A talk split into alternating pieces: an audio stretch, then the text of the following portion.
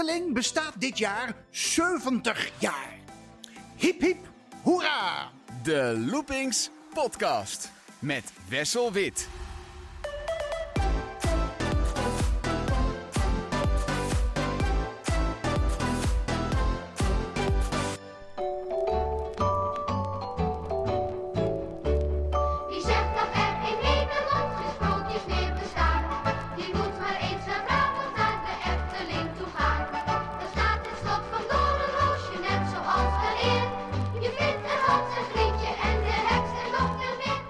Van harte gefeliciteerd met de Efteling. Het grootste attractiepark van de Benelux bestaat vandaag precies 70 jaar.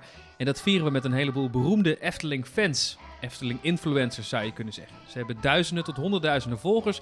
En je kent ze van hun websites, YouTube-kanalen, Instagram-pagina's, TikToks, podcasts, noem maar op. Het zijn de mensen die de Efteling-magie met hun populaire kanalen dag in dag uit je huiskamer en je telefoon inslingeren.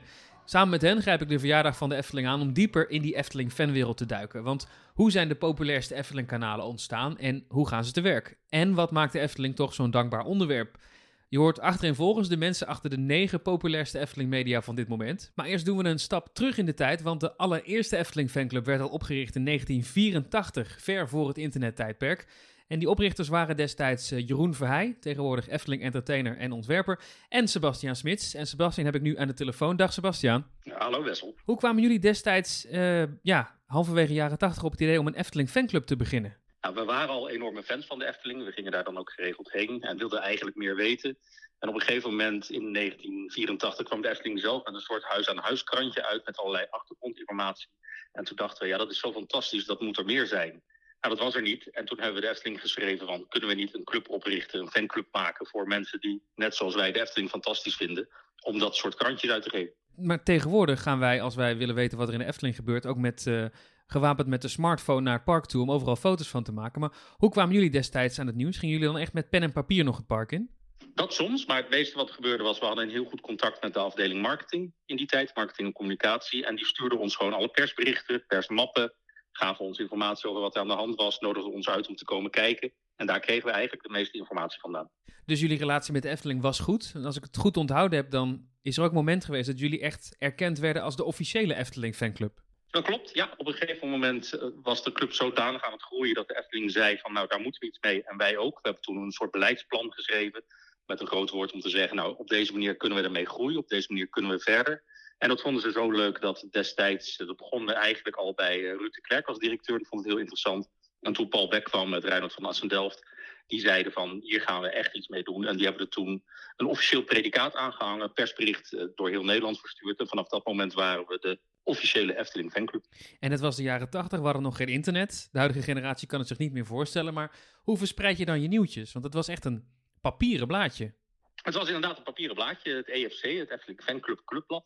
Vandaar die, eh, die C erin. En dat maakten we met de hand, dus echt gewoon met typemachine. En Jeroen was toen natuurlijk al een tekentalent. En die tekende heel veel daarvoor, foto's gebruikte daarvoor. En dat werd dan uiteindelijk gewoon gekopieerd op de kopieermachine, in een envelop gedaan en verstuurd naar iedereen. Hoeveel mensen waren destijds lid?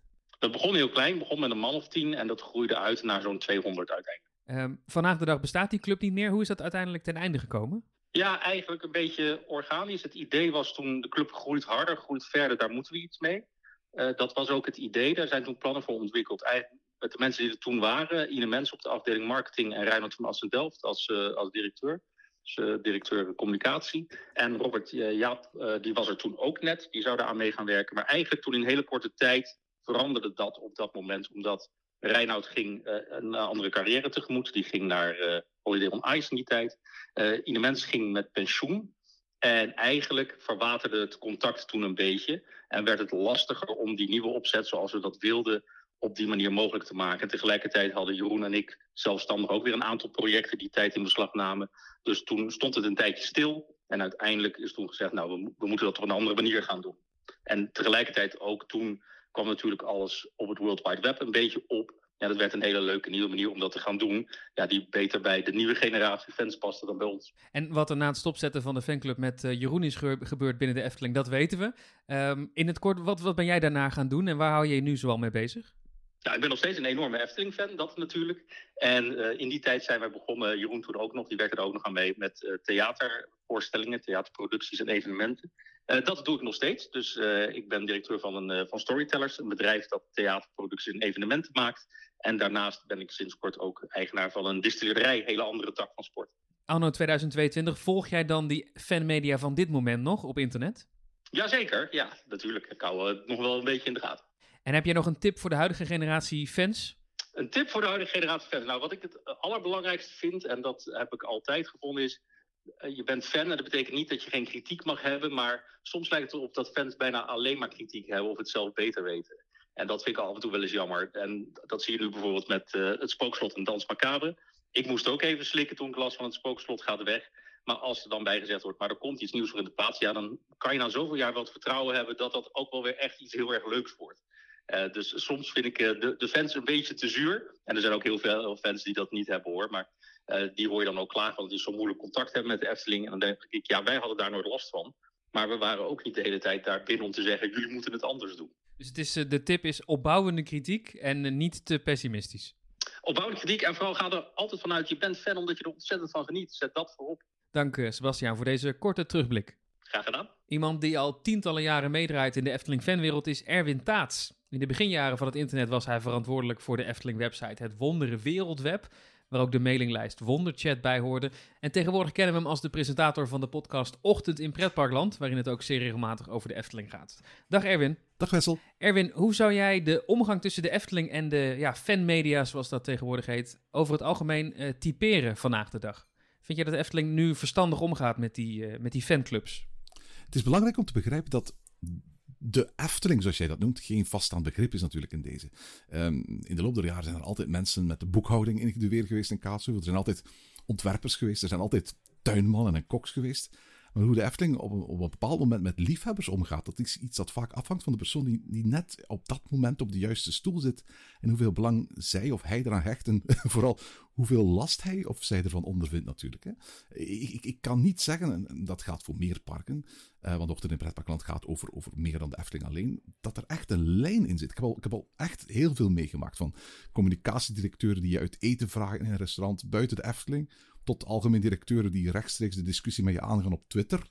En, van anonieme stagiairs die je uh, samen met de Telegraaf en het AD uitnodigen op een presentatie. Ja, tot recentelijk een ontmoeting met liefhebbers die georganiseerd wordt om de onrust rond de te verdwijnen attractie te keren. Um, je, je, je mag niet in de valkuil trappen van verschillende mensen op verschillende niveaus in de loop der tijd zo op één lijntje te gaan zetten en daar dan, dan automatisch een soort van kausaal verband tussen te zien. Kijk, liefhebbers zijn, zijn stakeholders uh, ze hebben een stem, absoluut. Uh, maar voor de gewone dagdagelijkse gang van zaken mag je hun belang natuurlijk ook niet overschatten. Hè. Ik weet dat, dat Henk Groenen ooit tegen mij zei, tijdens een eentje in, in Europa Park, en Henk Groenen is de oud-communicatiedirecteur van de Efteling, mm-hmm. je bent interessant zolang we je kunnen gebruiken. Besef altijd dat je voor ons een middel bent en geen doel. En Henk zei dat overigens op de eerlijkste en vriendelijkste manier mogelijk. En hij had overschot van gelijk. En als liefhebber moet je dat altijd onthouden. Als je ingaat op een uitnodiging van een park, dan word je een middel. Het gevaar, als ik die vraag ga beantwoorden van jou, is dat ik nu van de Efteling een soort van monolithisch personage ga maken. Dat, dat anders kijkt naar mij, naar ons, dan tien of twintig jaar geleden. Maar dat is natuurlijk niet zo. Hè? Van alle taken die een park heeft, is omgaan met fans een van de minst belangrijke van allemaal. Sommige parken doen het gewoon niet. Voor anderen is het een klusje dat de stagiair van dienst mag klaren. En bij nog andere parken hebben ze bij iemand of een dienst dat in de functiebeschrijvingen staan. Uh, maar ik heb niet het gevoel dat, dat het zo belangrijk is voor de Efteling dat ze daar echt een soort van continue activiteit van maken. Zou de Efteling dan ook niet ervoor kunnen kiezen om gewoon helemaal niet met fans bezig te zijn? Om te zeggen, nou we organiseren niet die bijeenkomsten, we gaan jullie geen nieuwtjes geven, we gaan niet op elk bericht meer reageren. Uh, doe het maar lekker zelf allemaal. Zou dat, zou dat ook kunnen? Ja, absoluut. er zijn heel wat, uh, wat, wat parken die dat doen. Ik vind uh, de Efteling kiest, denk ik, een soort van tussenposities. Ze communiceren met fans, maar op een beperkte manier. Kijk naar bijvoorbeeld Disney met een Disney uh, Parks blog, waar dan de Efteling blog op gebaseerd is. Die, die laat bijvoorbeeld toe dat mensen weliswaar gemodereerd daarop gaan, gaan reageren. Uh, die reactiemogelijkheid staat bij de Efteling uit. Maar ik heb wel het gevoel dat zodra parken zich gaan professionaliseren, zich hoger in de hiërarchie van pretparkland gaan nestelen, uh, de afstand tussen park en liefhebbers groter wordt. En in dat opzicht mogen we blij zijn dat de Efteling eh, al bij al nog behoorlijk toegankelijk is.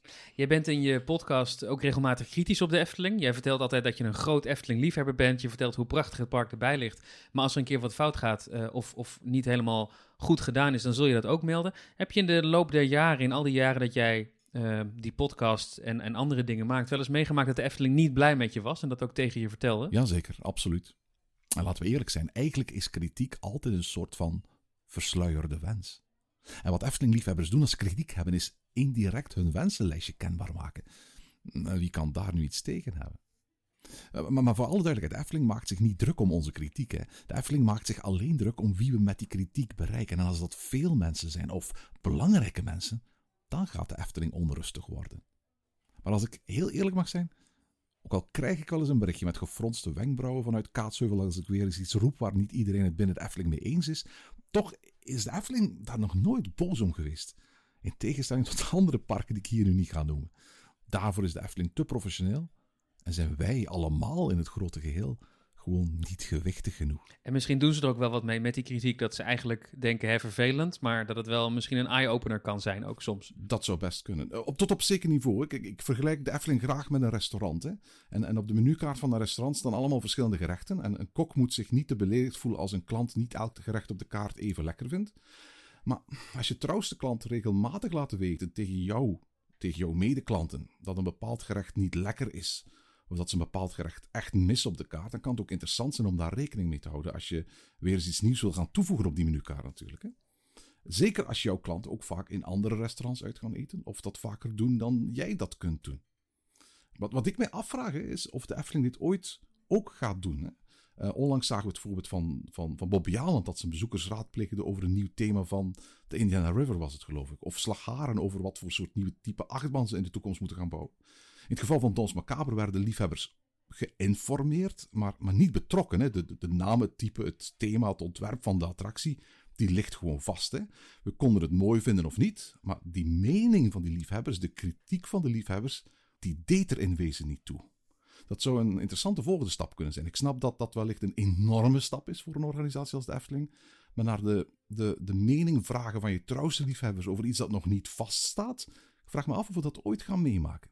Het is ook heel gevaarlijk natuurlijk, omdat er zoveel verschillende meningen zijn in die Efteling-fanwereld. En iedereen heeft weer een ander belang. En iedereen let weer op andere dingen. Je, kunt, je moet dan als organisatie dan natuurlijk ook heel selectief zijn met wie neem ik serieus en wie niet. Wel, je, je moet altijd beseffen dat fanculture, want over dat fenomeen hebben we het hier eigenlijk, eh, dat is een relatief recent fenomeen. Hè. In wetenschappelijke artikelen spreekt men vaak over participatory culture. Hè. Met andere woorden, een liefhebber gaat ineens deelnemen aan, zich bemoeien met, om het eventjes met een negatief woord te zeggen, wat jij doet. Hè. Ze gaan ineens massaal boos zijn omdat het spookslot sluit, of ze gaan een bepaalde snack ineens omarmen, alsof het een soort van levensbehoefte is. En als je zoiets als bedrijf voor het eerst meemaakt, dan gaat er ongetwijfeld een soort schok door je hele systeem, denk ik. En hetzelfde geldt ook voor, kritiek. Als een beslissing ineens door jouw liefhebbers onthaald wordt op bakken kritiek, dan, dan is het belangrijk om, om, om te beseffen waar die vandaan komt en wat de impact daarvan is binnen het grotere geheel. Uh, fanculture ontstond ehm, in Amerika eind jaren 60, begin jaren 70. Vond ingang in Europa vanaf de jaren 80. Explodeerde met de opkomst van het internet in de jaren 90. Uh, ook al had er gemiddeld bedrijf op dat moment doorgaans al niet idee wie zijn klanten waren. Het was voor veel bedrijven lastig om, om met die liefhebbers om te gaan. Want de een vindt alles leuk en zou je in principe zonder probleem als een gratis verlengstuk van je marketingafdeling kunnen gebruiken. De andere is dan weer super kritisch en vindt alles wat je doet maar niks, want vroeger deed je alles beter. En, en tussen die twee uitersten zitten dan allerlei geuren en kleuren van soorten liefhebbers die jouw merk, jouw bedrijf tot een, tot een deel van een identiteit hebben gemaakt of die gebruiken om wie ze zijn of aan het worden zijn vorm te geven. Hè? En, en um, er is in mijn ogen ook niet zoiets als een Efteling-fan. En het gevaar is om dat, dat, dat een bedrijf als de Efteling, Eftelings-fan als, als, als een soort van um, ja, algemeen begrip gaan beschouwen. Uh, Lore Scheuberg heeft bijvoorbeeld een, een, mooie flowchart gemaakt hoe je binnen fanculture hiërarchieën kunt visualiseren. Voor, de ene is de Efteling een leuk tijdverdrijf, waarvan de intensiteit doorheen de tijd gaat, fluctueren. Um, voor een andere fan is de Efteling op een bijna een obsessieve manier een deel van zijn of haar leven. En gaat dat liefhebberschap ook een rol spelen in het emotionele, in het sociale, in het identitaire leven van die liefhebber. En Scheuberg beschrijft wat je als een bedrijf dan kunt doen met die laatste groep. En ze zegt van eigenlijk kun je daar drie dingen mee doen. Eén, je kunt ze aan het werk zetten. Want ze zijn vaak bereid om toegevingen te doen op loon en arbeidsvoorwaarden die gewone werknemers nooit zouden overwegen. Eh, fans gaan soms zo ver dat ze bereid zijn om gewoon gratis voor je te werken. Ten tweede, het moment dat die groep voldoende groot, voldoende oud, voldoende stabiel, voldoende ja, kapitaalkrachtig, zal ik het maar noemen, no- wordt, dan wordt die groep ook economisch interessant voor een park. Ik denk dat de laatste door de Efteling nog te weinig genurtured wordt. Hè. Er komt wel eens een pin of een bout van de Piet of een stukje film van Pandadroom in de verkoop, maar zulke initiatieven zijn in mijn ogen te sporadisch, te uitzonderlijk, om echt een community aan te boren waarvan je weet dat ze meer zullen zijn dan af en toe eens een spike in je cashflow. Hè. Maar ten derde, en ik denk dat dat de essentie is van wat Scheuberg zegt, als, als mensen uit die groep vocaal worden, als een invloedrijke stem op een grote groep andere mensen gaan hebben, dan moet je ze gaan inzetten als middel. Zoals Henk Groenen al zei. Hij introduceerde daarvoor ehm, ja, begin de jaren 2000 het woord Efteling-ambassadeur. De fans gaan daardoor een soort van gevoel van trots en zelfbevestiging ervaren. Omdat ze erkend worden met wat ze doen. Met hun filmpjes, hun podcasts, hun website. En, en met waar ze staan in die geek-hierarchie. hè. Om nog maar eens een, een, een wetenschappelijke term te gebruiken. En om die positie te blijven houden, gaan ze ook meer doen om in het gevlei te komen. En ik denk dat zulke events als de fanpreview van Dans Macabre strategisch heel goed werken. Hè. En ik geef toe, ik heb zelf toen ik een website had over de Efteling, ooit lang geleden, als tiener zelf ook nog tegen wil en dank in die positie mezelf gemanoeuvreerd zien worden. Zonder goed en wel te beseffen wat er op dat moment eigenlijk gebeurde. Wat bedoel je met dat laatste? Wat voor, dan kwam jij in de positie eigenlijk dat de Efteling jou als ambassadeur inzette. Ehm, Juist, en op een bepaald moment eh, werd je niet alleen die fan met een website op het internet, maar je werd ook die fan die uitgenodigd werd om mee te praten in de media over de Efteling. Eh, of die als het ware de toegangspoort was naar een heleboel andere fans. En hen, bij wijze van spreken, kon pleasen of kon paaien. En dan ben je dat middel in plaats van. eh, ja. En dan ben je dat middel. En dat was ook, dat was Henk Groene toen hij dat deed. Ehm, dan, dat was ook het doel van de Efteling. Het doel was de fans tot middel gebruiken. Je vertelt net nog wat interessants. eh, het, tweede punt wat je aanhaalde, dat het ook mogelijk is, en ik denk dat Disney dat heel erg doet, om geld te verdienen aan de fans. Dat klinkt heel negatief, maar dat betekent ook dat we Efteling bijvoorbeeld meer zou kunnen doen met speciale fandagen, met speciale eh, exclusieve openstellingen, met, met nou, meer souvenirtjes dan alleen maar af en toe een pin of een eh, onderdeel van een gesloopte achtbaan. Goh, de makkelijkste manier om dat in te vullen is, is wat Disney doet met D23 natuurlijk. Ehm, ik, ik, ik ontvang op geregelde tijden een, een tijdschrift, het, het, het 23 Magazine. Er, is inderdaad een D23-beurs. Er zijn heel veel dedicated souvenirs, maar ook boeken, vinylalbums, et cetera. Eh, ik denk dat, dat, dat de omvang waarmee Disney doet onvergelijkbaar is voor, voor, voor de Efteling. Maar ik denk wel dat intensiteit waarmee eh, Disney het doet een heel goed voorbeeld kan zijn. Daarom zeg ik er net van ehm, dat, ze, dat je zo'n groep moet nurturen. Als je heel af en toe is, als een attractie sluit of als er iets gebeurt, is een pin uitbrengt of een moer of een stukje film, ehm, dan, dan gaat het eigenlijk weinig cohesie brengen bij zo'n groep. Maar als je ervoor zorgt dat je dat ergens, dat je, dat, dat er een planning voor maakt, dat je weet van kijk, in, in januari doen we dit, in februari doen we dit, in, in maart doen we dit, eh, en je zorgt ervoor dat eigenlijk die fans op een bepaalde manier als fan aangesproken worden. En dat wil zeggen dat je ook appelleert aan de identiteit die ze zichzelf als liefhebber toe-eigenen. eh, dan kun je denk ik veel meer dan wat Efteling nu doet. De Efteling is wat dat betreft heel conservatief. Ja, dat, ik, ik denk dat Efteling sowieso een, een wat conservatief eh, eh, bedrijf is. Ehm, en ik, ik, ik vermoed ook dat, dat gewoon de, de, de vele laagjes binnen de organisatie, ehm, een, een aantal van die dingen die relatief snel moeten gaan, eh, in mijn ogen wat, wat vertragen. hè. We zeggen altijd dat Disney een bedrijf is dat langzaam bouwt, maar dat is ongeveer het enige wat ze langzaam doen. Al de rest, zoals inspelen op trends, die gaan wel heel snel natuurlijk daar bij Disney. Mhm. En zodra je ziet dat ook maar iets, een heel klein beetje populair is. Ik bedoel, Di- Disney zit letterlijk bij wijze van spreken dag in dag uit te kijken op wat voor soort producten fans creëren op Etsy. Om vervolgens hun eigen souvenirlijnen eigenlijk te gaan voeden. En eigenlijk producten in hun eigen winkelrekken te krijgen die, die, die fans als fanservice gaan beschouwen. Ik denk dat dat heel goed zou zijn, heel verstandig zou zijn om de Efteling. eh, die, wat uiteindelijk een park is met een hele trouwe schare fans en een ontzettend groot al- ant- aantal abonnees. eh, om datzelfde ook te gaan doen. Weliswaar op kleinere schaal, uiteraard. Maar wel met, met een gelijkaardige intensiteit. Ik denk dat dat heel belangrijk is. Helder. Hartelijk dank voor deze interessante analyse en we, we blijven jou en alle initiatieven daaromheen eh, volgen. Dankjewel Erwin. Heel graag gedaan, Wessel. En eigenlijk waar het wondere wereldweb van Erwin Taats ophield, eh, daar ging Marvin van Hoeven verder. Dag Marvin. Dag. Jij draait ook al ontzettend lang mee in deze Efteling fanwereld, hè? Ja, meer dan 20 jaar inmiddels al, hè? Ja, Dus, 20 eh, van de 70 jaar dat de Efteling bestaat. ja. Hoe is dat ooit begonnen? Want ik kan me herinneren dat er een website was en dat was Villa Volta Web. Die Ja. was van jou. ja, dat klopt inderdaad. Het was eigenlijk tijdens eh, ja, het, het Wondere Wereldweb hè, waar we, eh, van, van Erwin. Ehm, en daarmee ben ik begonnen. Ik vond Villa Volta vond ik echt een fantastische attractie. En ik had zoiets van, ja, ik wilde er eigenlijk wel iets over maken. Dus eh, toen ben ik eigenlijk eh Villa Volta Web gaan maken. En ehm, ja, dat is, eh, was de eerste attractiespecifieke website überhaupt gewoon. En dat was, daar was echt alles over te vinden over Villa Volta. Dus dat is echt een soort encyclopedie was dat alvast. ja, en Een beetje de voorloper van wat nu Eftepedia is. maar dan helemaal de diepte in alleen Villa Volta. alleen Villa Volta. En vervolgens zijn daar ook nog de simulaties bijgekomen en zo. Ja. Wat toch ook wel, wel een dingetje was destijds. Ja, want je kon dan eigenlijk een soort computergame zou je kunnen zeggen. Je kon van bovenaf zag je dan een attractie, Villa Volta, maar we hebben ook eh, de Bob en Vogel ook bijvoorbeeld gezien. Die kon je dan besturen. Ja. Eigenlijk heel erg eh, modern voor die tijd, want dat maakten jullie allemaal zelf. Ja, we maakten het allemaal volledig zelf. We hebben ook iets van een half jaar aan, aan, aan ontwikkeltijd voor nodig gehad. Voor één simulatie. Voor één simulatie op zijn minst. Ja, en eh, de- je kon eigenlijk gewoon in de huid van Ef- Efteling personeel eh, kruipen daarin. Was heel populair. Eh, Ja. Beginjaren van het internet. Klopt inderdaad. En dat was wel, ja, was wel uniek. Ja. Uiteindelijk zijn jullie overgegaan naar eh, een breder publiek, naar de hele Efteling. En toen kwam de naam De Vijf Zintuigen in beeld. Want wij ontmoetten zeg maar een, eh, een, onze systeembeheerder van destijds. En die had zoiets van, ja, maar we kunnen wel iets heel gaafs doen. We kunnen een fotogallery maken, we kunnen een verzamelgids maken. Maar ja, om dat onder de noemer Villa Volterweb te stoppen, dat gaat niet. Dus toen zat ik op een gegeven moment in de auto van, ja, eigenlijk moet ik een bredere naam hebben. Laat ik vijf zintuigen pakken als nou referentie naar, het, naar de ingang. De huis van de, het Huis Ja. van de Zintuigen, ja precies.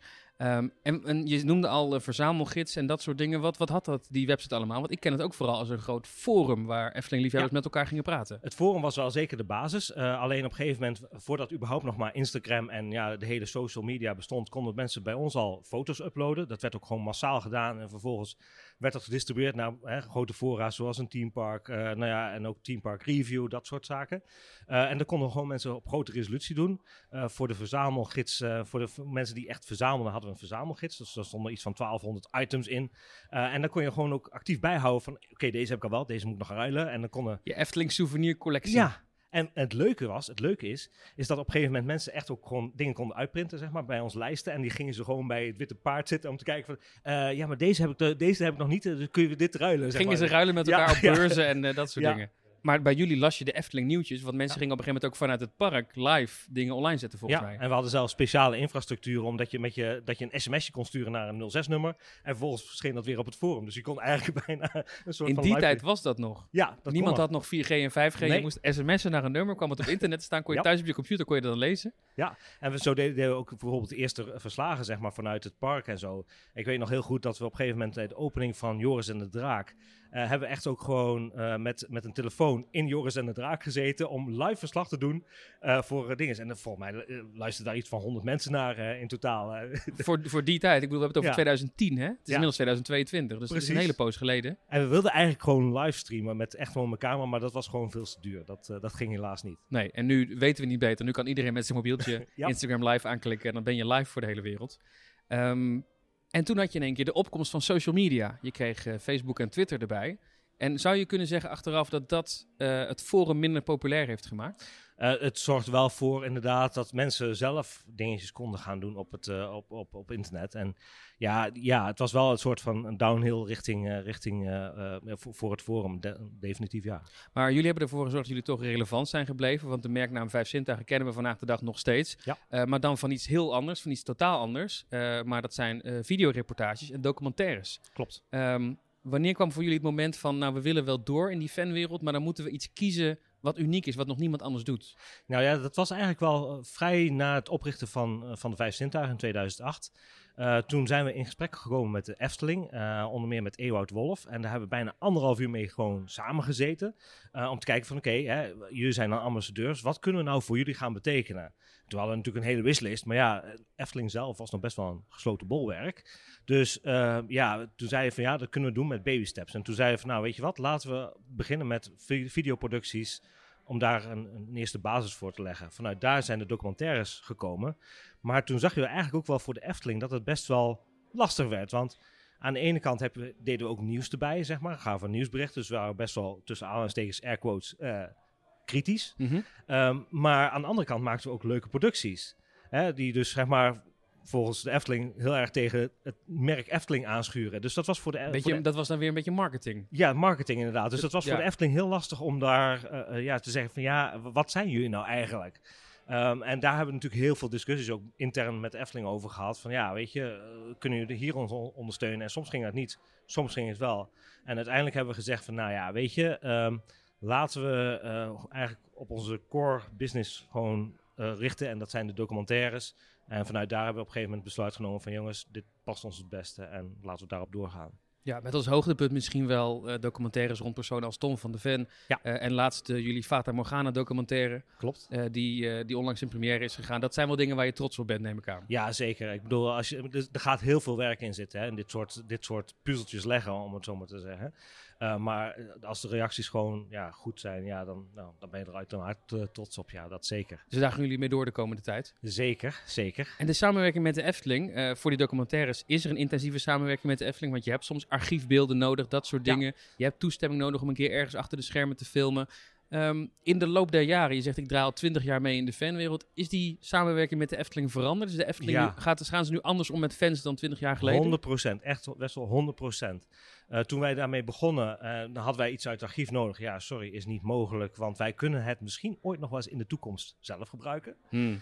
Eh, dus dan ga je gewoon zelf heel creatief kijken van oké, wat, wat hebben andere mensen nog? En van heel, gelukkig hebben, bewaren mensen ook heel veel dingen. Eh, dus daar kunnen we op voort.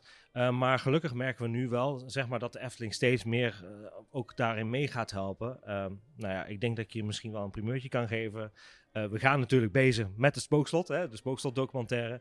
En daar zie je toch wel gelukkig weer een verdere samenwerking met de Efteling. En dat is Er wel heel komt fijn. eh, van de makers van de Fata Morgana documentaire ook een spookslot Ja, documentaire. die gaat zeker komen. Kijk, dat is een mooie scoop. En de Efteling is wat dat betreft misschien ook wat professioneler geworden en gaat nu meer mee met de tijd. Ja, en, en ze kijken ook en ze denken ook absoluut mee hè, daarin. En dat is ook goed wat, wat kan qua archief en eh, wat ze daarvan willen. Maar ja, weet je, je hebt daar ook een soort van wisselwerking. Hè? Ik bedoel, als wij weer dingen vinden, dan kunnen wij dat ook weer terugleveren aan het archief. Zo simpel is het. Eh, dus wat dat betreft, eh, ik zie mogelijkheden. Wanneer moet de spookslot documentaire af zijn? Daar hebben we nog geen datum voor, helaas. Want we willen eigenlijk zoveel mogelijk gewoon informatie vergaren en die documentaire zo compleet mogelijk maken. Je kunt het ding maar één keer maken.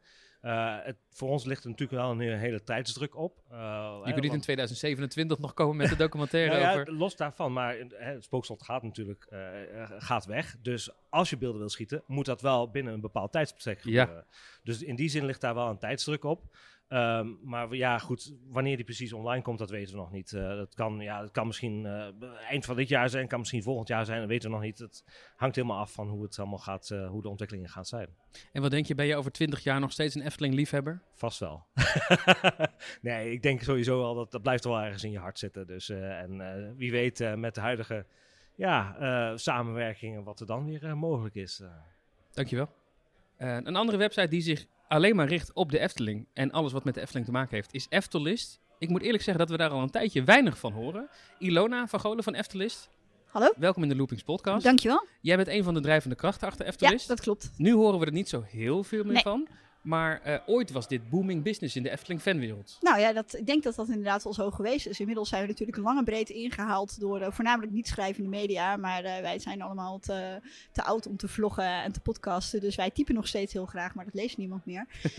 Nee, ja, voorheen was het eigenlijk de enige plek op internet waar je ongebreideld kritisch kon zijn. Omdat we ook niet modereerden op hevige kritiek op ontwerpers of, of iets dergelijks. Dus ja, er werd altijd heel kritisch naar de, naar de Efteling gekeken. En daar was het een goed podium voor. Nou, inmiddels is dat ruimschoots verschoven naar social media, waar iedereen zich nog vrijer voelt om eh, over de Efteling te zeggen wat ze willen. Dus daarmee is eh, de rol van Efteling in die zin een beetje uitgespeeld. Maar ons eh, initiatief Oog voor Detail is nog steeds redelijk populair. En wordt ook nog steeds wekelijks geüpdate met een, een, verse update mail en nieuwe verzoeken en verzoeken die eruit gaan. Dus in die zin is het nog wel een beetje levend, ja. Ja, want Efteling was ooit een mailinglijst, Ja. zoals Wonderchat het ook was, wat we net hebben gehoord ja. van, van Erwin Taats. Ehm, dat was dus echt iets waarbij je dus, ja, de, de jongere eh, luisteraar kan het zich bijna niet meer voorstellen, maar je stuurde een mail naar een bepaald adres en dan Ja. werd dan naar iedereen die lid was van die mailinglijst, werd dat dan eh, gestuurd. Ja, en op die manier werd er een discussie gevoerd, inderdaad. En dat was het, het hart van Eftelist eigenlijk. Vandaar ook de naam, hè? een mailinglist over de Efteling, Eftelist.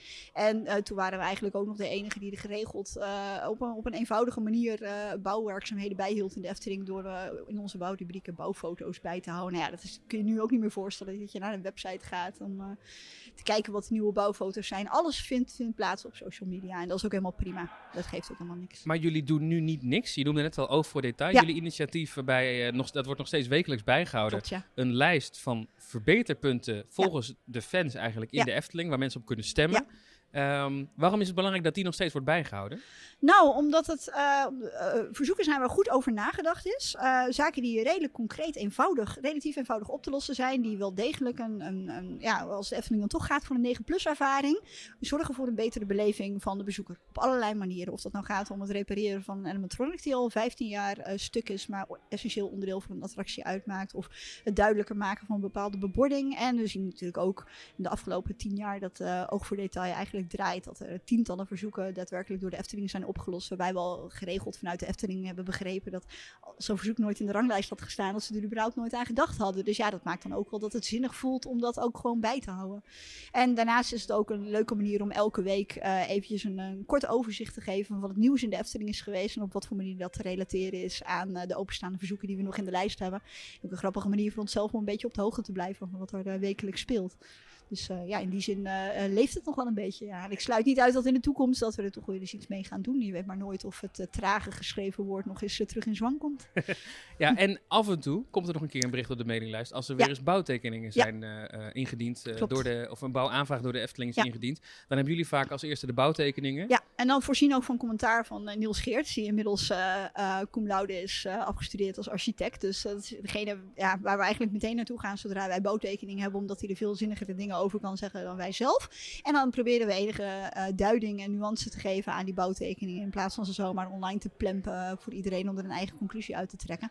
Dus ja, dat is een beetje ons plan van aanpakken. Looping zoals ons de vorige keer eh, voor, omdat we toevallig allemaal heel lui en druk waren. Dus dat is ook wel eens leuk om bouwtekeningen op een andere plek te zien verschijnen. Maar we zijn wel van plan om in de toekomst de aanpak van zelf aanvragen en onze eigen huisarchitect eh, daar een plasje over te laten doen om dat weer gewoon aan te houden. Kijk, en Ja. eh, eh, mensen die net hebben gehoord, god, er is een eh, ranglijst van verbeteringen in de Ja. Efteling en ik ken dat helemaal niet. Waar kunnen ze terecht? Eh Eftelist.nl, nou daar heeft het een hele prominente plek op de voorpagina. Maar als je die toch graag wil overslaan, dan kun je ook naar eftelist.nl slash OVD.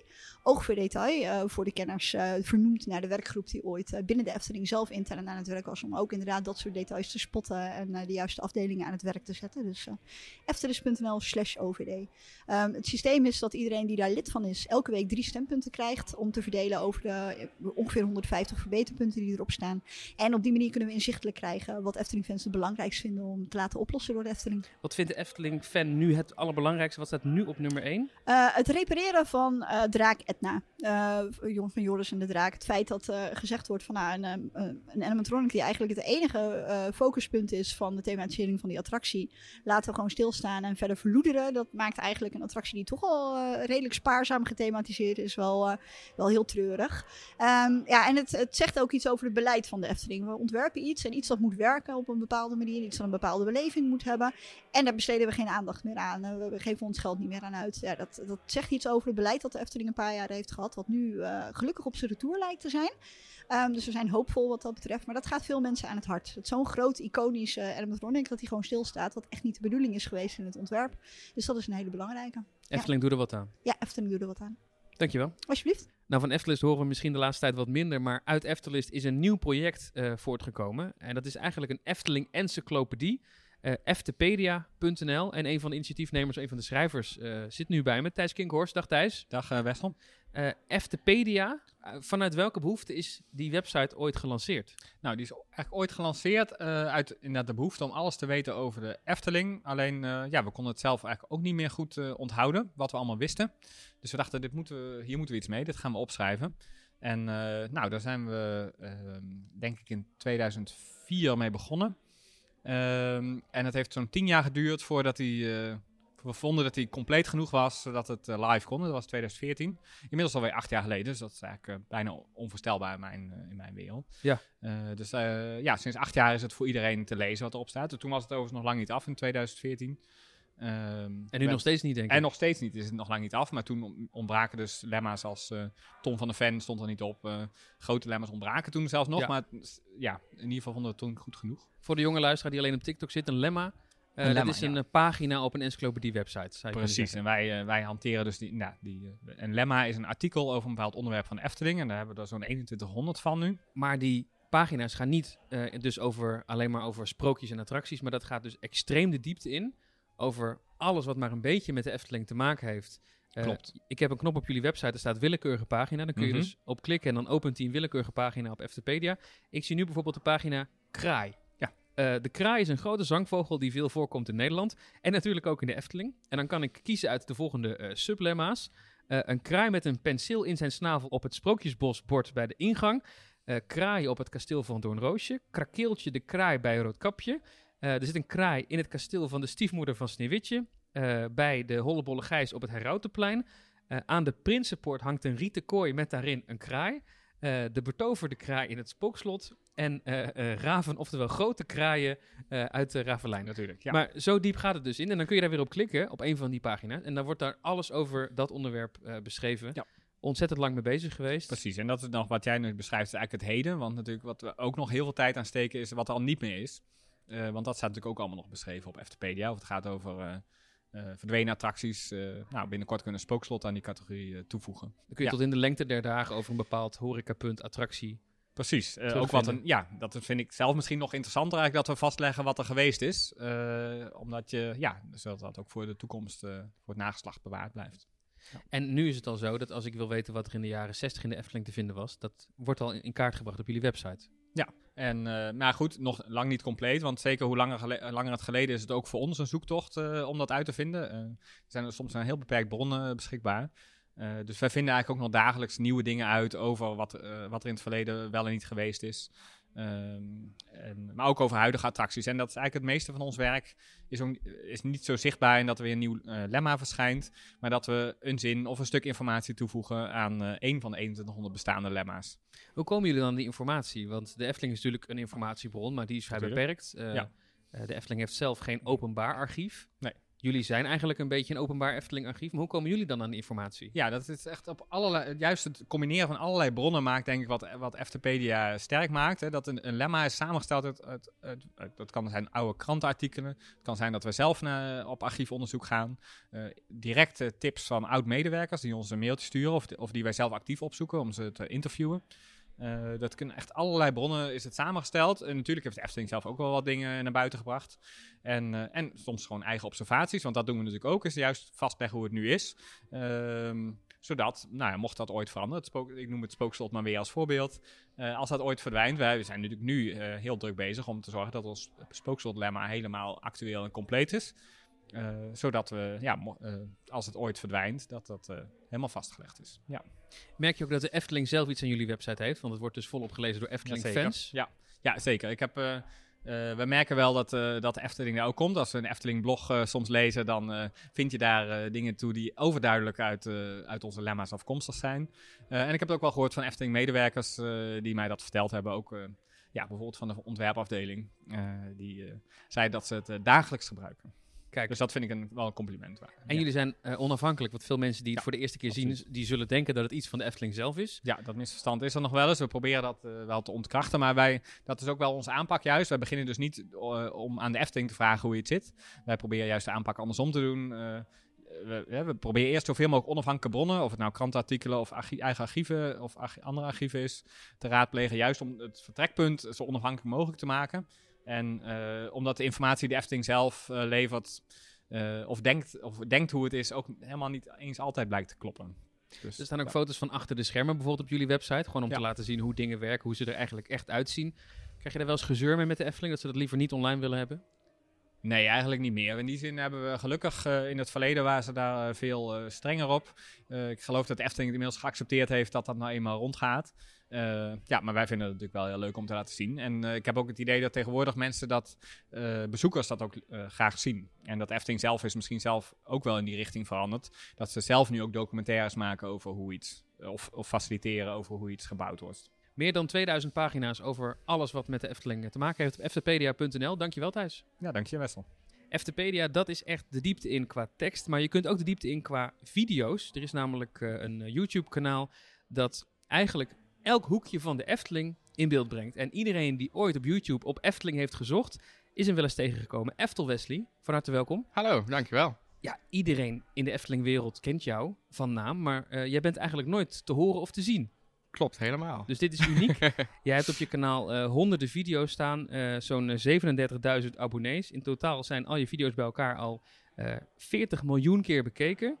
Eh, ik zie hier zelf staan dat jij bijna 3500 video's inmiddels online hebt staan. Zeker. Eh, waarvan de, eh, de meest bekeken is een hele simpele video van Carnival Festival. Die is 2,6 miljoen keer bekeken. Verrassend. Het kanaal bestaat al sinds 2013. Hoe ben je ooit op het idee gekomen om Efteling-video's te gaan maken? Nou, in 2013 ben ik begonnen met mijn huidige kanaal. Had ik een nieuwe camera aangeschaft. En toen was ik, ging ik ook regelmatig naar het park. Elke week wel, of ja, voornamelijk in het weekend. En eh, toen had je de Efteling-muzikanten die daar nog in het weekend optraden. Oh ja. En eh, ja, dat vond ik zo leuk. Ik denk, nou, dat ga ik filmen. En toen uiteindelijk is dat helemaal uitgerold naar attracties en tegenwoordig ook updates voornamelijk. En had je al meteen door, toen je met die video's begon, dit zou wel een succes kunnen worden? Of was het echt een hobbyprojectje? En, Nee, het was echt puur hobby inderdaad. Ik had niet verwacht dat het zo groot en eh, bekend zou worden allemaal. Word jij vaak aangesproken en herkend in het park? Want iedereen kent je video's, maar niemand weet hoe je eruit ziet. Nou ja, herkend niet zozeer, maar dan zien ze me ergens staan eh, filmen bij weer een bouwhek of weet ik het waar. En eh, dan komt de vraag van, ben jij toevallig Eftel Wesley? En dat is Ah. dan toch eigenlijk de, de standaard vraag die ook eh, anderen blijkbaar wel eens krijgen, omdat ze een camera vast hebben. Dus ja, Iedereen met een camera in de Efteling die een hoopje zand een bouwwerk schijnbaar, filmt. ja, ja. Dat zou wel eens Eftel Wesley kunnen Ja. zijn. Goh, en wat is de laatste keer dat je hier in het park bent aangesproken? Kun je dat nog herinneren? Jazeker, dat is een paar weken geleden eigenlijk. Toen zat ik bij Ravelijn. En eh, toen pakte ik eh, mijn stabilizer erbij. En toen kreeg ik eh, commentaar van de mensen achter me van... zo, dat ziet er mooi uit en zo. En die hadden een, een, een zoontje bij. En die, op een gegeven moment zegt die vrouw van... Ja, wij kijken altijd filmpjes van Eftel Wesley. Ik zeg, nou, heb je geluk, die zit er echt voor je neus. En dat kon ze dan bijna niet geloven. En eh, ja, zo raak je ook weer daarmee aan de praat. En dat vonden ze helemaal geweldig. Wat goed. Ja. Dat komt gewoon voor. We hebben de opkomst van YouTube meegemaakt, maar tegenwoordig zitten ook heel veel jongeren op TikTok.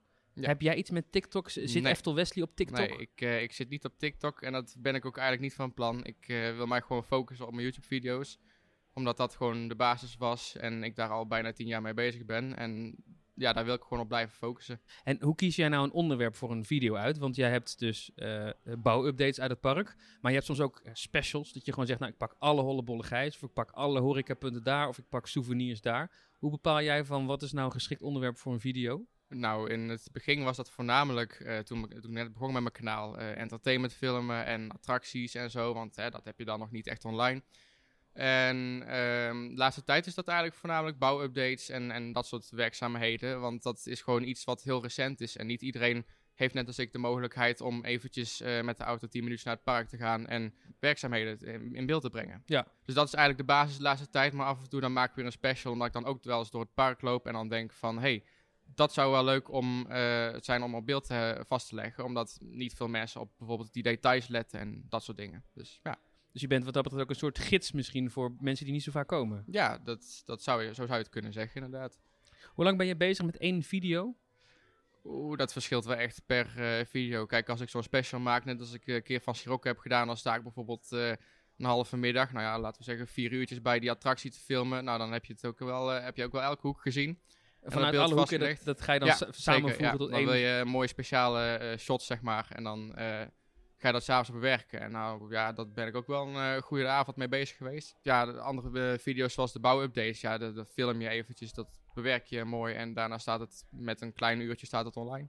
En zijn dan de video's waar je de meeste moeite in steekt, worden die dan het best bekeken? Niet altijd, nee. nee. Vaak ook toch wel de, de recente dingen, zoals die werkzaamheden aan het onderhoud en zo. Omdat mensen dat niet altijd kunnen zien. En dat is toch wel iets, ook omdat het recent is, vinden mensen dat interessanter om te zien. Want ja, die attracties die staan al eh, duizenden keren online. Ja, dit is uniek. Ja, Mooie bouwprojecten komen eraan. Het spookslot, het hotel. Dus eh, wij gaan jouw kanaal blijven volgen voor de updates eh, de komende jaren, denk ik. zeker. Dat Jij ga gaat hier gewoon mee door. volgen.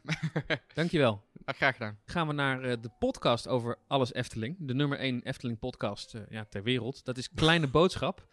Ehm, Grote woorden, Wessel, dank je. En eh, die eh, podcast wordt gemaakt door Tim Hinsen en Paul Sprangers. En Paul, jij zit hier eh, bij mij. Ehm, wanneer zijn jullie begonnen met Kleine Boodschap? Hoeveel jaar geleden is dat alweer? Dat is bijna vijf jaar geleden. We zijn eind twa- 2017 begonnen. Was het meteen een succes? Nou, het was meer succesvol dan we hadden verwacht eigenlijk. We dachten, het zou mooi zijn als we nou, meer dan 100 luisteraars krijgen bij de eerste aflevering. Maar we hadden al een beetje een Twitter-netwerk. Dus volgens mij de eerste aflevering was in één week al een paar honderd keer beluisterd. Mhm. Drie, 400 keer denk ik of zo. Of gedownload in ieder geval. Ja. En dan zijn wel mensen blijven hangen blijkbaar. Dus eh, Hoeveel wordt een aflevering nu gemiddeld beluisterd? ja, dat is met podcasts lastig te zeggen. Want je weet niet bij heel veel podcast-apps hoeveel mensen echt luisteren. We weten downloadcijfers. Eh, als we een schatting moeten doen, dan is het het- minimale bij een aflevering is 5000 of zo. Maar er zitten wel uitschieters bij die eh, drie keer zoveel doen. Ja, dus het- jullie zijn een gevestigde naam inmiddels in de Efteling fanwereld. Ehm, en als ik jullie zou moeten typeren, dan is het echt dat jullie eh, wekelijks de diepte ingaan. Dus Ja, het is niet een podcast van een kwartiertje met eventjes kort opzommen wat er in de Efteling gebeurd is. Nee. Jullie staan erom bekend om soms wel drie uur lang te praten over details, van de details, van de details van een nieuw Efteling bouwproject, om er wat te noemen. Bijvoorbeeld, ja. Als jullie bij bouwtekeningen opduikelen, dan, eh, of opduiken, dan eh, duiken wij er diep in, ja. Is dat een behoefte vanuit jullie zelf? Van we willen zoveel mogelijk details eh, bespreken in een, in een podcast over de Efteling? Dat is zeker een behoefte van onszelf. Sterker nog, daar is het ook mee begonnen ooit. Want we- die discussies hadden Tim en ik eigenlijk op Twitter al. Tenminste, we hadden die met iedereen, maar om een of andere reden kwamen we elkaar altijd tegen die discussies. En eh, daar is het idee uit ontstaan van misschien moeten we dat gewoon een keer op band zetten. En ik had dat setje liggen, dus toen zijn we begonnen. En dat is ook de allereerste aflevering geworden. Toen waren namelijk net wat documenten uitgekomen over de uitbreiding van de wereld van Efteling 2030. Dus die oude plannen, weet je wel, die ooit Ja. op een bestemmingsplan moesten, gevormd moesten worden. En eh, die hebben we toen uitgebreid besproken vonden toen. Iets meer dan een uur volgens mij. dus eh, Zou nu een korte aflevering dat zijn? zou nu een korte aflevering zijn. Het gemiddelde is 1 uur en 24 minuten volgens mij de laatste keer dat ik keek. en dat komt omdat we al heel af en toe een aflevering van 20 minuten hebben. Heel zelden. Maar die trekt het gemiddelde wel omlaag. Ja. Oh ja, ja, ja. ja. Ehm, en de mensen die jullie luisteren, zijn dat dan echt de hardcore Efteling fans? Of zitten, zitten er ook gewoon gemiddelde Nederlanders bij? Ik denk dat het wel meer naar die hardcore fans neigt. Maar we horen wel af en toe terug van mensen die luisteren gewoon ook omdat ze het vinden dat we prettige stem hebben. En die komen erbij tot rust. En Ja. die gaan gewoon, ja, die gaan gewoon ontspannen zitten. En dan, dan echt voor het slapen gaan even, weet je wel. Ja, ik denk wel dat het vooral die hardcore Efteling fans zijn. Want anders houdt het gewoon eerlijk gezegd niet vol, denk ik. Als je voor de inhoud gaat in ieder geval. Ja. Maar we horen toch ook wel in het algemeen. Ja, nou, wat we ook vaak horen van mensen die, die vinden de Efteling gewoon interessant. Die zijn weer een keer een dagje geweest met de familie. En dan wil ze er meer over weten. Nou, we doen heel veel Nederlanders tegenwoordig. Die kijken, is daar een podcast over? En die komen dan bij ons. En die schrikt dan, ja, die, die speeltijd schrikt mensen dan blijkbaar niet af. en dan ja, wil je toch dat ze blijven hangen. En er zijn ook mensen die gaan dan serieus alle afleveringen. Er zijn er, de hele tijd dat dit uitkomt, eh, bijna 280. Die gaan ze dan gewoon allemaal terugluisteren. 280. Respect. Ja, dat is wel eh, respect, ja. Jullie hebben elke twee weken ongeveer een nieuwsaflevering. Dus dan is het echt het bespreken van de nieuwtjes. En jullie Mhm. hebben dan ook ja, specials, zou je kunnen zeggen, interviews. Hoe bepaal je nou een geschikt onderwerp voor een aflevering? Want ik denk dat de meest gestelde vraag aan jullie is... raak je nooit een keer uitgepraat over die Efteling? Nou, daar waren we op een gegeven moment wel een beetje bang voor, ja. Van zijn we niet door de onderwerpen heen. En toen is er toch weer ergens een kraan open gegaan of zo. En we zitten nu, we hebben sowieso, kleine kijk achter de schermen. Volgens mij zijn alle afleveringen die nog dit jaar uit moeten komen, die niet nieuw zijn. Die zijn volgens mij al gepland en een aflevering of 6, 7 ook al opgenomen. Dus Die werken echt vooruit wat dat betreft. ja, we proberen iedere maandag gewoon een aflevering klaar te hebben staan. En dan moet je wel gaan plannen, want we gaan af en toe een keer op vakantie ook. En dan moeten er wel afleveringen blijven komen. Dus die hebben we meestal al vooruit gepland. En dus met, met interviews ook. Heel veel mensen die interessant zijn om te spreken, die zijn al wat, eh, wat ouder ook. En die wil je graag gewoon zo snel mogelijk spreken. Niet dat er nou zoveel tijd overheen gaat, maar we hebben liever wel afleveringen op de plank liggen met mensen die interessant waren, dan dat, ja, dat er misschien iets gebeurt waardoor ze er niet meer zijn. Zeker in die coronaperiode waren we in één keer heel bang voor. Ja, dat kan ik me voorstellen. Lex Lemmers hadden bijvoorbeeld eh, een interview mee staan. Bleek ook dat hij uiteindelijk dus corona heeft gekregen. En dat kantje boord was niet vanwege corona. Maar toen ontdekte ze wel andere dingen. Luister die aflevering. Daar vertelt hij het heel kort. Ja. Ehm, ja, daar was wel een soort van wake-up moment van, oh ja, moeten we snel mee zijn. Maar hoe bepalen wat een, afle- een onderwerp interessant is? Een beetje gut feeling, denk Misschien ik. ook als je er lang genoeg over kunt praten. Gewoon zo simpel. Nou, we denken tegenwoordig heel vaak van, nou, daar zijn we met een uurtje wel mee klaar. En heel soms is dat ook. Er komt er binnenkort nog een aflevering aan. Mensen, je kunt er ademhalen. Die duurt ongeveer een uur, misschien net iets minder. Ehm, maar ja, dat is een beetje, als we er minstens een half uur over kunnen praten, dan is het een aflevering waard, denken wij. En het moet enigszins interessant zijn. Maar ja, over toiletten in de Efteling kun je blijven ook heel lang kletsen. en wie weet gaan we het ooit over vuilnisbakken hebben of zo. Ik bedoel, we hebben er een paar hele mooie, de Gijzen natuurlijk. Dus Zijn er ook Efteling-iconen die al overleden zijn... waarvan je denkt, ah, wat had ik daar graag een podcast mee opgenomen? Kijk, eh, Anton Pieck is natuurlijk niet realistisch, maar in de recente tijd...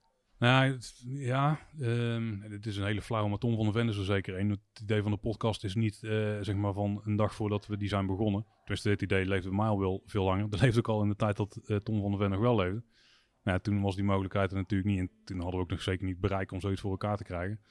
Maar ja, nou weet je wat het weet je is? Er zijn heel veel mensen waarvan de namen misschien niet zo bekend zijn. Die wel heel interessant zijn om te spreken. En wij vinden het zelf heel interessant om het uiteindelijk een soort blik te... Of ja, een, een soort beeld te geven van de Efteling. Echt van alle facetten die, eh, die het bedrijf heeft. Dus niet alleen die attracties die worden neergezet en misschien het verblijf of zo. Maar ook gewoon echt dingen die op de achtergrond gebeuren. Zoals de Groendienst zijn we geweest. Daar kijk je genomen in de kas. Dat zijn ook hele interessante dingen van de Efteling. Waar je helemaal niks van weet. Want daar sta je niet echt bij stil of zo, weet je wel. En, dan- de Efteling is daar zelf ook niet zo open over. Nee, nee, zeker. Nou ja, nee, ze denken dat het niet interessant genoeg is. Maar er is echt wel een club die daarop zit te wachten. En er zijn dus ook heel veel mensen die inmiddels dus al ons zijn ontvallen. Die op hele interessante plekken en posities hebben gezeten waar je het gewoon niet meer aan kunt vragen. En daar zien we dus eh, bijvoorbeeld een van de dingen die nu heel erg leeft. is bijvoorbeeld het spookslot. Hè. Daar gaat iets mee gebeuren. Gebouwd in de eind jaren 70. Heel veel mensen die daarin mee hebben gewerkt, die zijn er gewoon niet meer. En die kun je het ook niet meer vragen. En daar zouden mensen zijn geweest die wij heel graag hadden willen spreken. Het is heel vaak dan zoek je iets uit en denk je, oh dat is een interessante naam, eens kijken. Shit, die is al overleden. Ja, Dat, is, dat is baal. Ja. Ja. Elke maandag een nieuwe aflevering. En jullie werken vooruit om dat voor elkaar te boksen. Is het wel eens voorgekomen dat er een maandag geen aflevering was van Kleine Boodschap? Nou, het is eens voorgekomen. Ja, nou, de, eerste paar weken trouwens sowieso, want toen hadden we dat plan helemaal nog niet. Toen, we hebben de eerste avond twee afleveringen opgenomen. De eerste nieuwsaflevering was een half uurtje ongeveer. Eh, we moesten het nog een beetje ontdekken en het is ook steeds groter geworden. Maar de eerste twee, drie weken, toen was het nog niet op maandag. Volgens mij zijn we op een gegeven moment per ongeluk op maandag geland, omdat het heel praktisch is bij ons. Want we hebben kinderen, dus het weekend hebben we net de vrije tijd om de edit en zo te doen. En dan kunnen we nieuwsafleveringen ook uitbrengen op maandag. Maar het is eigenlijk nog nooit voorgekomen, behalve eens een keer per ongeluk dat, die, dat de tijd verkeerd stond ingesteld van de automatische release. En dat het iets later werd dan dat iemand me 's ochtends. Dus dan staat heel mijn telefoon vol al om eh, half Waar zeven. blijft die aflevering? Ja, waar is die aflevering? Ai, oh ja, even snel checken. Shit, ik heb, want we hebben een Amerikaans systeem erachter zitten. Dus ik moet AM en PM moet ik nooit door elkaar halen. Oh ja, en daar, oh ja. daar ging zeker in het begin nog wel eens Die, fout. kwam, die had eigenlijk om vijf uur eh, s smiddags eh, dan. eh, Ja, die was al, ja, precies. Ja. Dat, is, ja, dat is ook recent nog wel een keertje fout gegaan. Maar meestal het eerste werk op maandagochtend even kijken, is die goed gereleased? Ja, oké, dan kan ik de rest regelen. Anders is het meestal een snelle fix. Jij doet ook de edit van Kleine Boodschap. ja. Luister jij dan ook drie uur of spoel jij hem door? Ik edit op dubbele snelheid. Dus ik, eh, als ik hem puur zou luisteren, is het eh, zeg maar de helft van de tijd. Alleen ja, ik moet het af en toe, hebben we zeiden daar, ik even terugspoelen, checken, knippen, weg. Zo, zo gaat het. Het gaat eigenlijk heel snel als routinewerk voor jou. Ja, dat is vrij routine, maar het duurt uiteindelijk nog steeds wel anderhalf keer de opnametijd, denk ik, om een aflevering te editen. Want ik luister wel echt alles na. En wij overleggen vooral tijdens nieuwsafleveringen heel veel. Interviews zijn eigenlijk het makkelijkste wat dat betreft. Want dat is gewoon meer een gesprek en daar gaat het lekker vloeiend. Anderhalf keer de tijd. Dus bij een aflevering van drie uur, dan zit jij 4,5 uur te luisteren en te knippen en te plakken en eh, te monteren. Ja, veel gevallen wel, denk ik, ja. ja. Dat is toch wel pittig. Elk weekend, bijna weer. Ja, maar vergis je ook niet wat de voorbereidingstijd is. Die zit al, da- daggewicht zit meer bij Tim. Die zit meer aan de voorkant. En eh, die, die, die is heel de week door gewoon bezig met het draaiboek. Want we werken het allemaal netjes uit om daar samen te stellen. Ja, daar gaan ook vele uren in zitten. Kun je misschien zelfs wel uit gaan drukken in dagen in sommige gevallen. Jullie hebben dus nieuwsafleveringen elke twee weken met echt alles wat er gebeurd is in de wereld van de Efteling. Eh, maar die worden dus de donderdag daarvoor opgenomen. Ja. Steekt het jou wel eens dat je denkt, ja, nu wordt het op maandag uitgebracht. En er is de afgelopen drie dagen wat gebeurd wat we nu niet kunnen meenemen in zo- zo'n aflevering. Ja, in het begin misschien wel. Maar ik denk dat mensen ook wel snappen hoe het een beetje werkt. Die, wat die cadans is bij ons, zeg maar. Hè. Dus op donderdag nemen we op. Dat weten heel veel mensen ook gewoon. Op maandag komt het uit. Ja, kijk, wij zijn geen loopings. Hè. We hoeven niet als eerste het nieuwtje in de wereld te helpen. Heel af en toe hebben we een primeurtje. En heel af en toe dan wordt er ons iets ingefluisterd door de Efteling. Van let op, er wordt wel nog iets aangekondigd in het weekend. Misschien wil je er iets mee doen. Maar ook heel vaak niet. dus, dus dan is het gewoon pech hebben. Ja, en wij zitten ook, dus ook nog eens met die twee weken ertussen de hele tijd. Dus als wij een nieuwsaflevering opnemen, in het slechtste geval is een nieuwtje dus al bijna 20 dagen. Nou oké, daar nog niet, maar een dag of 16, 17 oud zeg maar. Ja. Ja, kijk, bij ons gaat het om die diepgang. Hè. Dus het, li- het liefste, de hoofdonderwerpen die wij bespreken, zijn de dingen die we kunnen analyseren, waar we iets van kunnen vinden. En daarnaast hebben we nog kort nieuws en dan schuiven we een hoop andere kleine frotzooien onderweg, die, die niet echt veel discussie behoeft of zo. Maar dan heb je het in ieder geval gehoord. Dus nee, we, we proberen meer op de diepte te zitten dan dat we heel erg het nieuws echt hebben. En mensen weten toch wel dat het eigenlijk toch wel wordt besproken. Maar dan moet je misschien net iets langer wachten. En als het nou echt heel erg groot is en er is geen nieuws gepland, dan kan het zijn dat we nog wel eens een bonusafleveringetje maken. Kijk, ja. Het kost dus heel veel tijd om op te nemen en te maken en voor te bereiden. Je verdient er geen geld aan, voor zover ik weet. Ga je hier nog wel lang mee door? Is het wel echt iets wat leuk genoeg is om over vijf jaar nog steeds te doen? Nou, misschien is dat juist wel de reden dat we ermee doorgaan. Want we zien het echt puur als hobby. En de enige reden dat we dit doen is omdat we het gewoon super leuk vinden.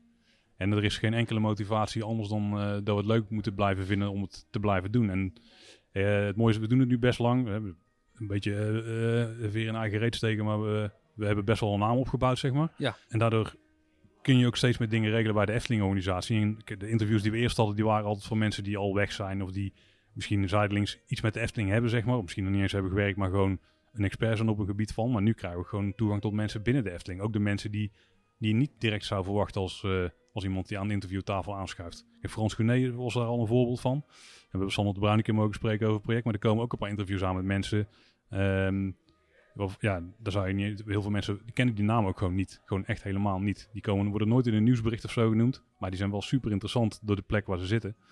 En houdt het wel heel leuk, ja. Want die, die blik die we willen geven van de Efteling, echt die 360 graden blik van alle facetten, die kunnen we daardoor steeds beter geven. En daar houdt het voor ons interessant. Dus een gouden toekomst voor Kleine Boodschap, als ik dat zo hoor. Wat ons betreft wel, ja. Wij vinden het nog steeds hartstikke leuk en daar zie ik niet snel veranderen. Dankjewel. Graag gedaan. Ja, we hebben Eftel Wesley al eventjes eh, gesproken, maar er zijn eh, meer bekende Efteling-YouTubers met een eh, trouwe schare fans. We verhuizen naar het Sprookjesbos voor nog een bekend gezicht. Tegenover mij is aangeschoven Bart Baan. Hi. Bart is niet jouw echte naam, hè? Bart Baan.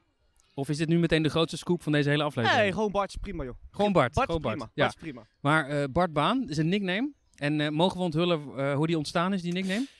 Ja, nou het mooie van het verhaal is, eh, hij is zo simpel dat eigenlijk de mensen die hem in één keer konden raden op één hand te tellen zijn. Het is letterlijk gewoon achtbaan, Bartbaan. Daar is het. Het, het lijkt een beetje op achtbaan. Dat is ja, ik eigenlijk wou het er hele heel idee. graag een heel gethematiseerd verhaal omheen kunnen verdenken, maar Zo simpel is het. Bart, wat voor video's maak jij? Ehm, je moet zo zien, als iemand die naar de Efteling gaat, die over het algemeen wel een fan is, maar hier niet vaak komt. Dus dat zijn mensen die dagjesbezoekers. Die ehm, wil ik door middel, van mij, van, door middel van mijn video's optimaal voorbereiden voor een dagje Efteling. En dat doe ik door middel van tips, eh, plekken ontdekken, dingen proeven, attracties bezoeken.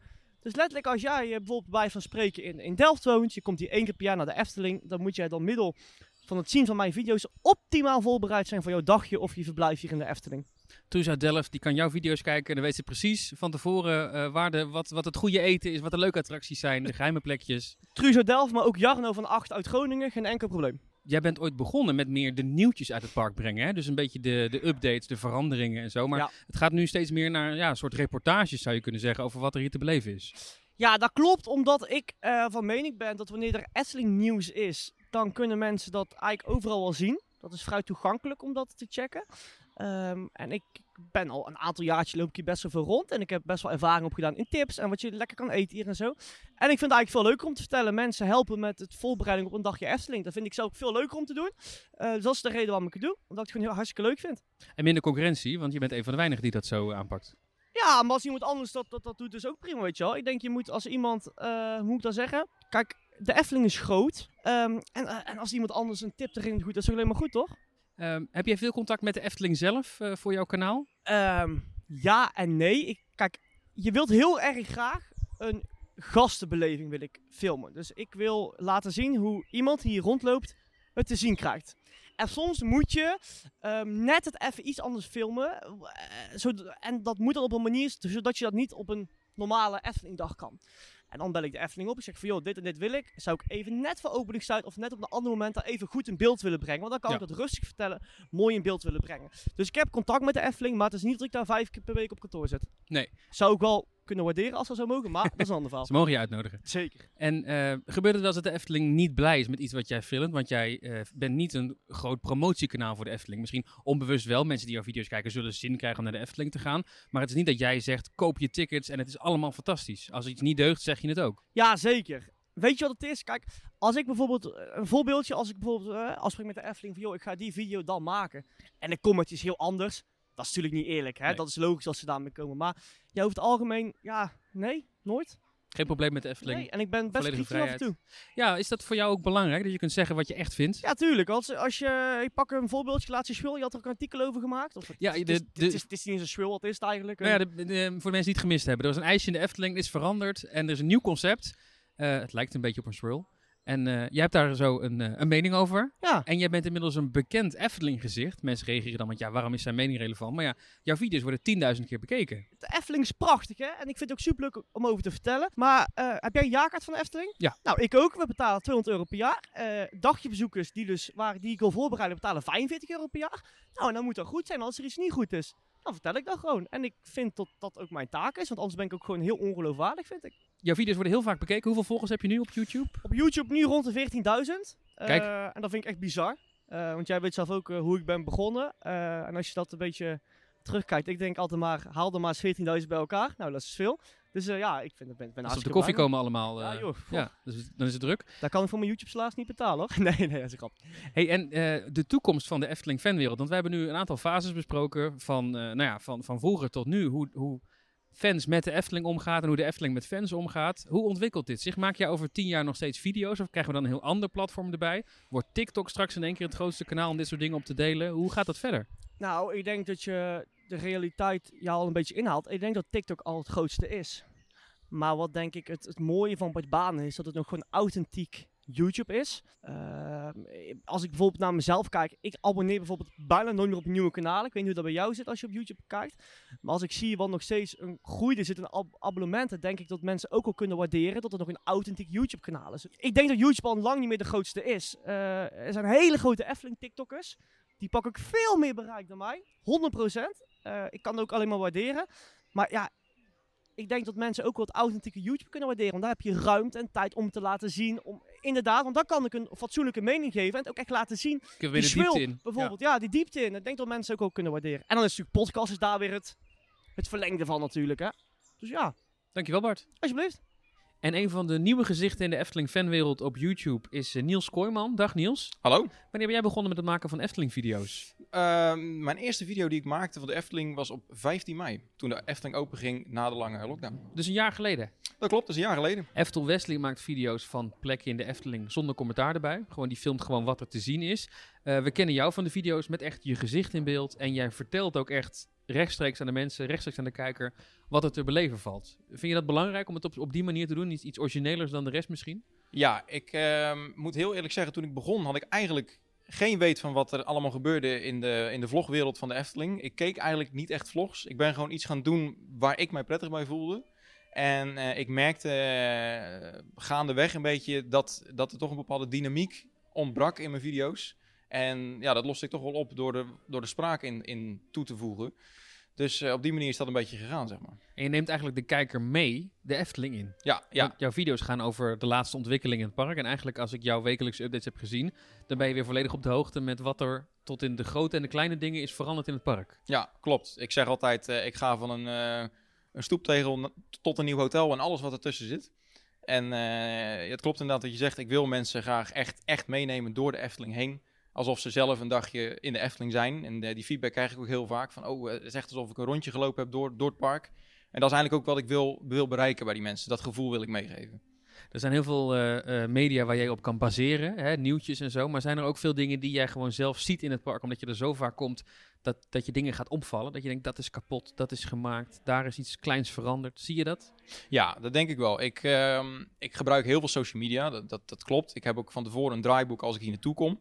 Maar op het moment dat ik hier eh, loop en eh, ik ga de dingen doen die ik moet doen eh, voor mijn draaiboek, dan zie ik ook wel doorgaand, oh, dat is, er, dat is anders, dat is anders.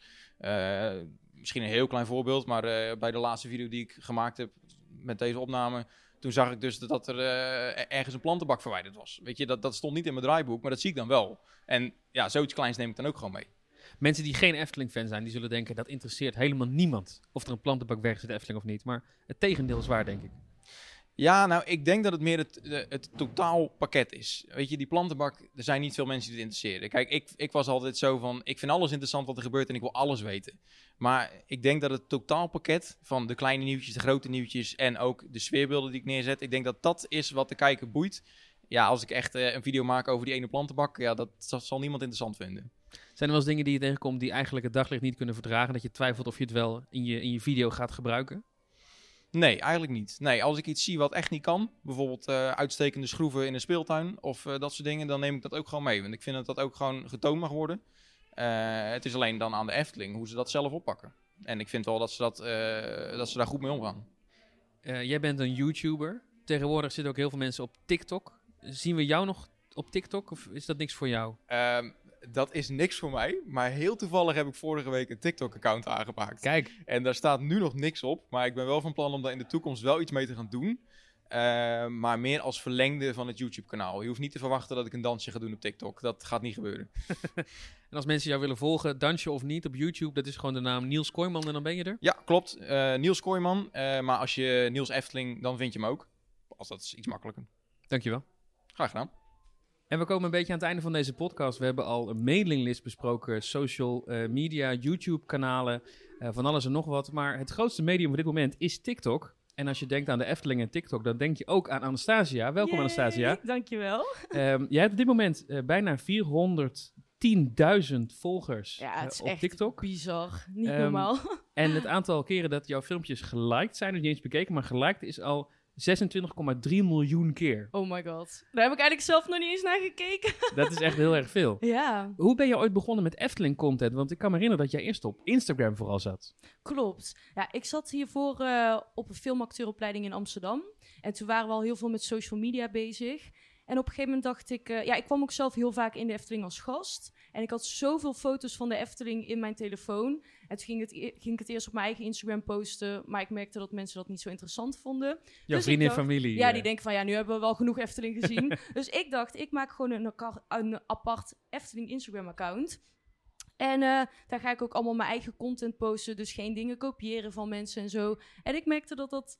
Ja, dat deed het heel goed, zeg maar. Heel veel hashtags gebruiken. Ook heel veel contact met eh, mensen op eh, eh, hashtag Efteling en alles zoeken. Dus eigenlijk is het zo een beetje ontstaan. En toen werd jij in één keer booming business op Instagram. Ja, het is echt... ja, zoals ik al zei, ik deed wel heel veel van mijn eigen content. Dus niet kopiëren van anderen. En ook heel veel contact zoeken met mijn volgers. Dat heeft ook wel heel veel geholpen. Om Dat is een wijze les voor de mensen die luisteren, die ja, zelf zeker. een kanaal ja, willen ja, beginnen. dat is echt een tip. Ja, wees heel actief inderdaad. En ik post ook echt drie, vier, vijf foto's per dag. Dus je moet wel echt heel actief zijn.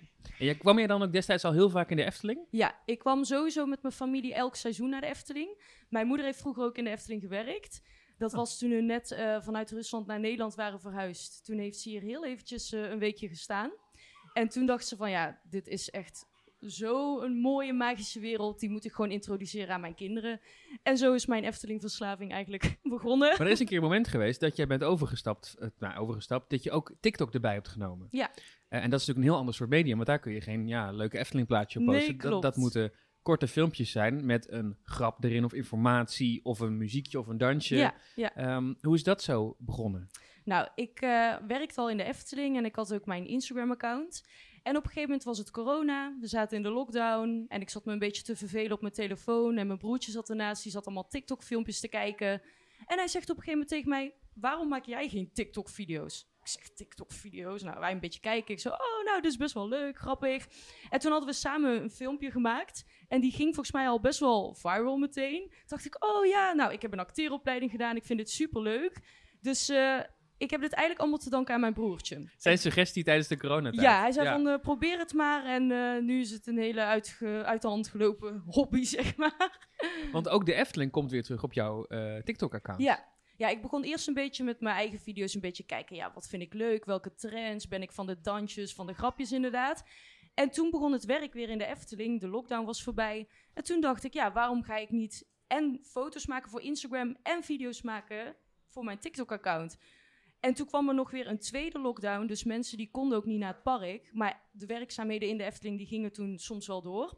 Dus toen kon ik hier gewoon nog wandelen en filmen. Bijvoorbeeld het Sprookjesbos filmen, buitenkant van attracties. Dus ik kon de Efteling toch nog naar de mensen thuis brengen. Dus ik denk dat dat ook het moment was dat mijn, in- dat mijn TikTok-account ook zeg maar ontplofte met de volgers. Want mensen konden vanuit huis in de lockdown toch de Efteling meekrijgen. Ja, precies. We hebben het nog niet eens verteld, maar jij bent dus ook in de Efteling gaan werken. Dus het Oh was ja, eerst ja. als Instagram-account. Ja, klopt. Ik eh, werk er ook. Jij werkt er ook. Sterker nog, we zitten hier op het Herautenplein bij de Kleine Klaroen. Ja. ehm, waar jij zo meteen aan de slag gaat. Ja, ik ga hier zo werken. Ik vind het zelf eh, de mooiste plek in de Efteling. Het is ook waar het exact 70 jaar geleden allemaal begonnen is. Ja, ja, zeker. Vandaag op de dag af. Oh, serieus? Jazeker. Oh, dat, dat is wel helemaal mooi. Die Efteling-filmpjes op TikTok. eh, hoe kies jij een onderwerp? Ik kijk sowieso wat de trends zijn op TikTok. Van ja, welke filmpjes doen het nu goed? Welke muziek, welke geluidjes doen het goed? En dan eh, zit ik eigenlijk gewoon thuis op de bank. En dan eh, ga ik een beetje creatief denken van ja, hoe kan ik dit met de Efteling erin verwerken? En de, eigenlijk de hele grap is, de filmpjes die ik helemaal uitdenk, die ik helemaal voorbereid... Die hebben dan misschien 20, 30, 40.000 views. Dat klinkt heel veel, maar voor mijn bereik valt dat mee. Ja. Maar de video's die ik echt binnen één seconde in elkaar flans, die gaan helemaal viral. Die zijn dan in één keer 1 of 2 miljoen keer bekeken. Dat ik denk, hoe dan? Word je vaak aangesproken in het park dat mensen denken: hé, hey, maar wacht eens even, je werkt hier in de Efteling, maar ik ken jou van TikTok. Ja, echt. Ja, de laatste tijd is het echt heel erg. Het is zelfs als ik van één locatie naar een andere locatie loop, dan hoor je: oh my god, TikTok, TikTok. En je kan het woord TikTok kan je ook niet fluisteren. Dan hoor je de hele tijd. En dan: oh my god, mag ik met jou op de foto? En dit gebeurt trouwens ook al buiten de Efteling. Gewoon eh, in mijn stad in Dordrecht, waar ik woon, daar gebeurt het ook al. En eh, ja, het is, het is echt een heel leuk gevoel. Als ik, als ik het niet had gewild, was ik al lang gestopt bij de 10.000 volgers. En als ze jou tegenkomen, mogen ze dan met je op de foto als je niet aan het werk bent of als je even tijd hebt? Zeker. Ik wilde ook nog zeggen, ehm, ik had vroeger zeg maar, was ik echt heel verlegen. Ik vond het ook heel lastig om met nieuwe mensen te praten en alles. En het feit dat er nu zoveel volgers en fans zelf naar mij toe komen, een gesprekje met mij aangaan, dat heeft mij ook eroverheen laten komen. Dus dat heeft mij ook heel erg geholpen. En daar ben ik ze ook super dankbaar voor. Dus ik vind het hartstikke leuk. Als je me ziet, kom zeker een praatje maken. En we kunnen een superleuke selfie maken. Dat vind ik alleen maar leuk. En laatst had ik ook meisjes die begonnen gewoon te huilen toen ze mij zagen. Toen werd ik ook gewoon bijna Holy moly. emotioneel. Ja, was zo schattig. Jij was een beetje hun idool. Ja, ja, ze kijken naar mij met van die grote ogen en ik denk, oh, ik ben ook maar gewoon een normaal mens, weet je wel. Maar dan besef je wel van, ah, ik doe volgens mij wel iets goed. Ja, blijkbaar. Ja. ja. En je bent volgens mij ook wel een goede promotie voor werk in de Efteling. Want jij Ja. laat ook wel zien dat het werken hier heel leuk is. Ja, maar het is ook heel ook leuk. met collega's bijvoorbeeld. Zeker, ja. Ik, als ik het hier niet leuk had gevonden, had ik het nooit volgehouden. Maar eh, nee, ik ben super blij dat ik hier elke dag mag zijn. Als ik hier 's ochtends rondloop en alle sprookjes ontwaken, de attracties starten op. Dat is gewoon zo magisch om te zien. En ik krijg ook heel vaak de vraag van, ja, werk je bij de Efteling, gaat de magie er niet van af? Ik vind juist dat je, je komt op plekken, je ziet dingen die je normaal nooit als normale gast gaat zien. Dus ik vind het juist nog magischer. Gaaf. En dan heb ik het nog niet over de personeelsfeesten gehad, want die zijn helemaal top. Ja, je zei net al dat soms filmpjes die je zomaar even in elkaar flanst, dat die viral gaan. Maar wat zijn nou echt typische Efteling filmpjes die het best bekeken worden bij jou? Eh, nou, de video die het meest bekeken was, was eh, de eerste werkdag na de, volgens mij de eerste of tweede lockdown. Die was echt viral gegaan. En dan had ik één video waar ik het echt niet van had verwacht. Ik wilde hem eigenlijk niet eens posten, stond gewoon in mijn concepten. Maar er had een eh, fan een vraag gesteld. Ga een dag naar de Efteling zonder een broodje Unox te eten. Dus toen zei ik van, oh ja, dat doe ik wel, Pff, makkelijk. En op een gegeven moment was er dan zo'n shot dat ze mij in één keer betrappen... dat ik zo'n broodje Unox zit te eten... en dat ik dan in de camera kijk en zeg... oh nee, dit is niet wat het lijkt. Nou, bam, die video is 1 miljoen keer bekeken. dat soort video's. En alle What I Eat in a Day video's in de Efteling... die eh, gaan ook heel lekker. Efteling snacks blijkt een populair onderwerp te Ja, zijn. dus. echt. Ja, dat merk ik echt. Als ik eh, iets nieuws post, zoals een corn dogs of bubble tea, die worden echt super goed bekeken. Mensen vinden dat heel leuk om te zien. Kan ook nog een tip zijn voor mensen die een Efteling-kanaal eh, willen beginnen. Focus dus ook weer een beetje op het eten. Het zijn ja, niet alleen maar de sprookjes en de attracties Ja, die zo. What I Eat in a Day, die doen het echt heel goed. En je bent ook echt wel fan van broodje udongs, geloof ik, hè? Ja, ja ik, als ik het als gast eet ik het bijna altijd in het park. En anders maak ik het in het weekend voor mezelf. En dan gooi ik er- gewoon? Ja, serieus. Dan ga ik gewoon naar de Albert Heijn, haal ik daar al die Unox worsten, pistoletjes. Lekker veel kaas eroverheen, augurkjes, gebakken uitjes. Helemaal top. En de Unox saus, niet te vergeten. Een echte expert, ik hoor het al. Ja, ja. Jij bent van Instagram naar TikTok gegaan. Denk je dat er de komende jaren nog meer van dat soort ontwikkelingen komen? Denk je dat we over vijf jaar weer de Efteling naar de fans toe brengen op een weer een hele andere manier? Eh, ik denk wel dat dat zou kunnen, ja. Vroeger zat natuurlijk iedereen op Hives, dat is weggaan. Facebook wordt nu ook wel minder voor mijn gevoel. Het is nu echt Instagram, TikTok, Snapchat. Dus het zou me niet verbazen als er straks weer een nieuwe app komt. Maar ik hoop dat, eh, dat we nog heel lang van TikTok kunnen genieten. Dankjewel en Yes. gefeliciteerd met de Efteling. Yes, dankjewel. Jij bedankt. Je luisterde naar een aflevering van de Loopings podcast. Heb je vragen of opmerkingen? Mail dan naar podcast@loopings.nl. En wil je geen afleveringen missen? Abonneer je dan via de verschillende podcast-apps zoals Spotify. Bedankt voor het luisteren en graag tot de volgende keer.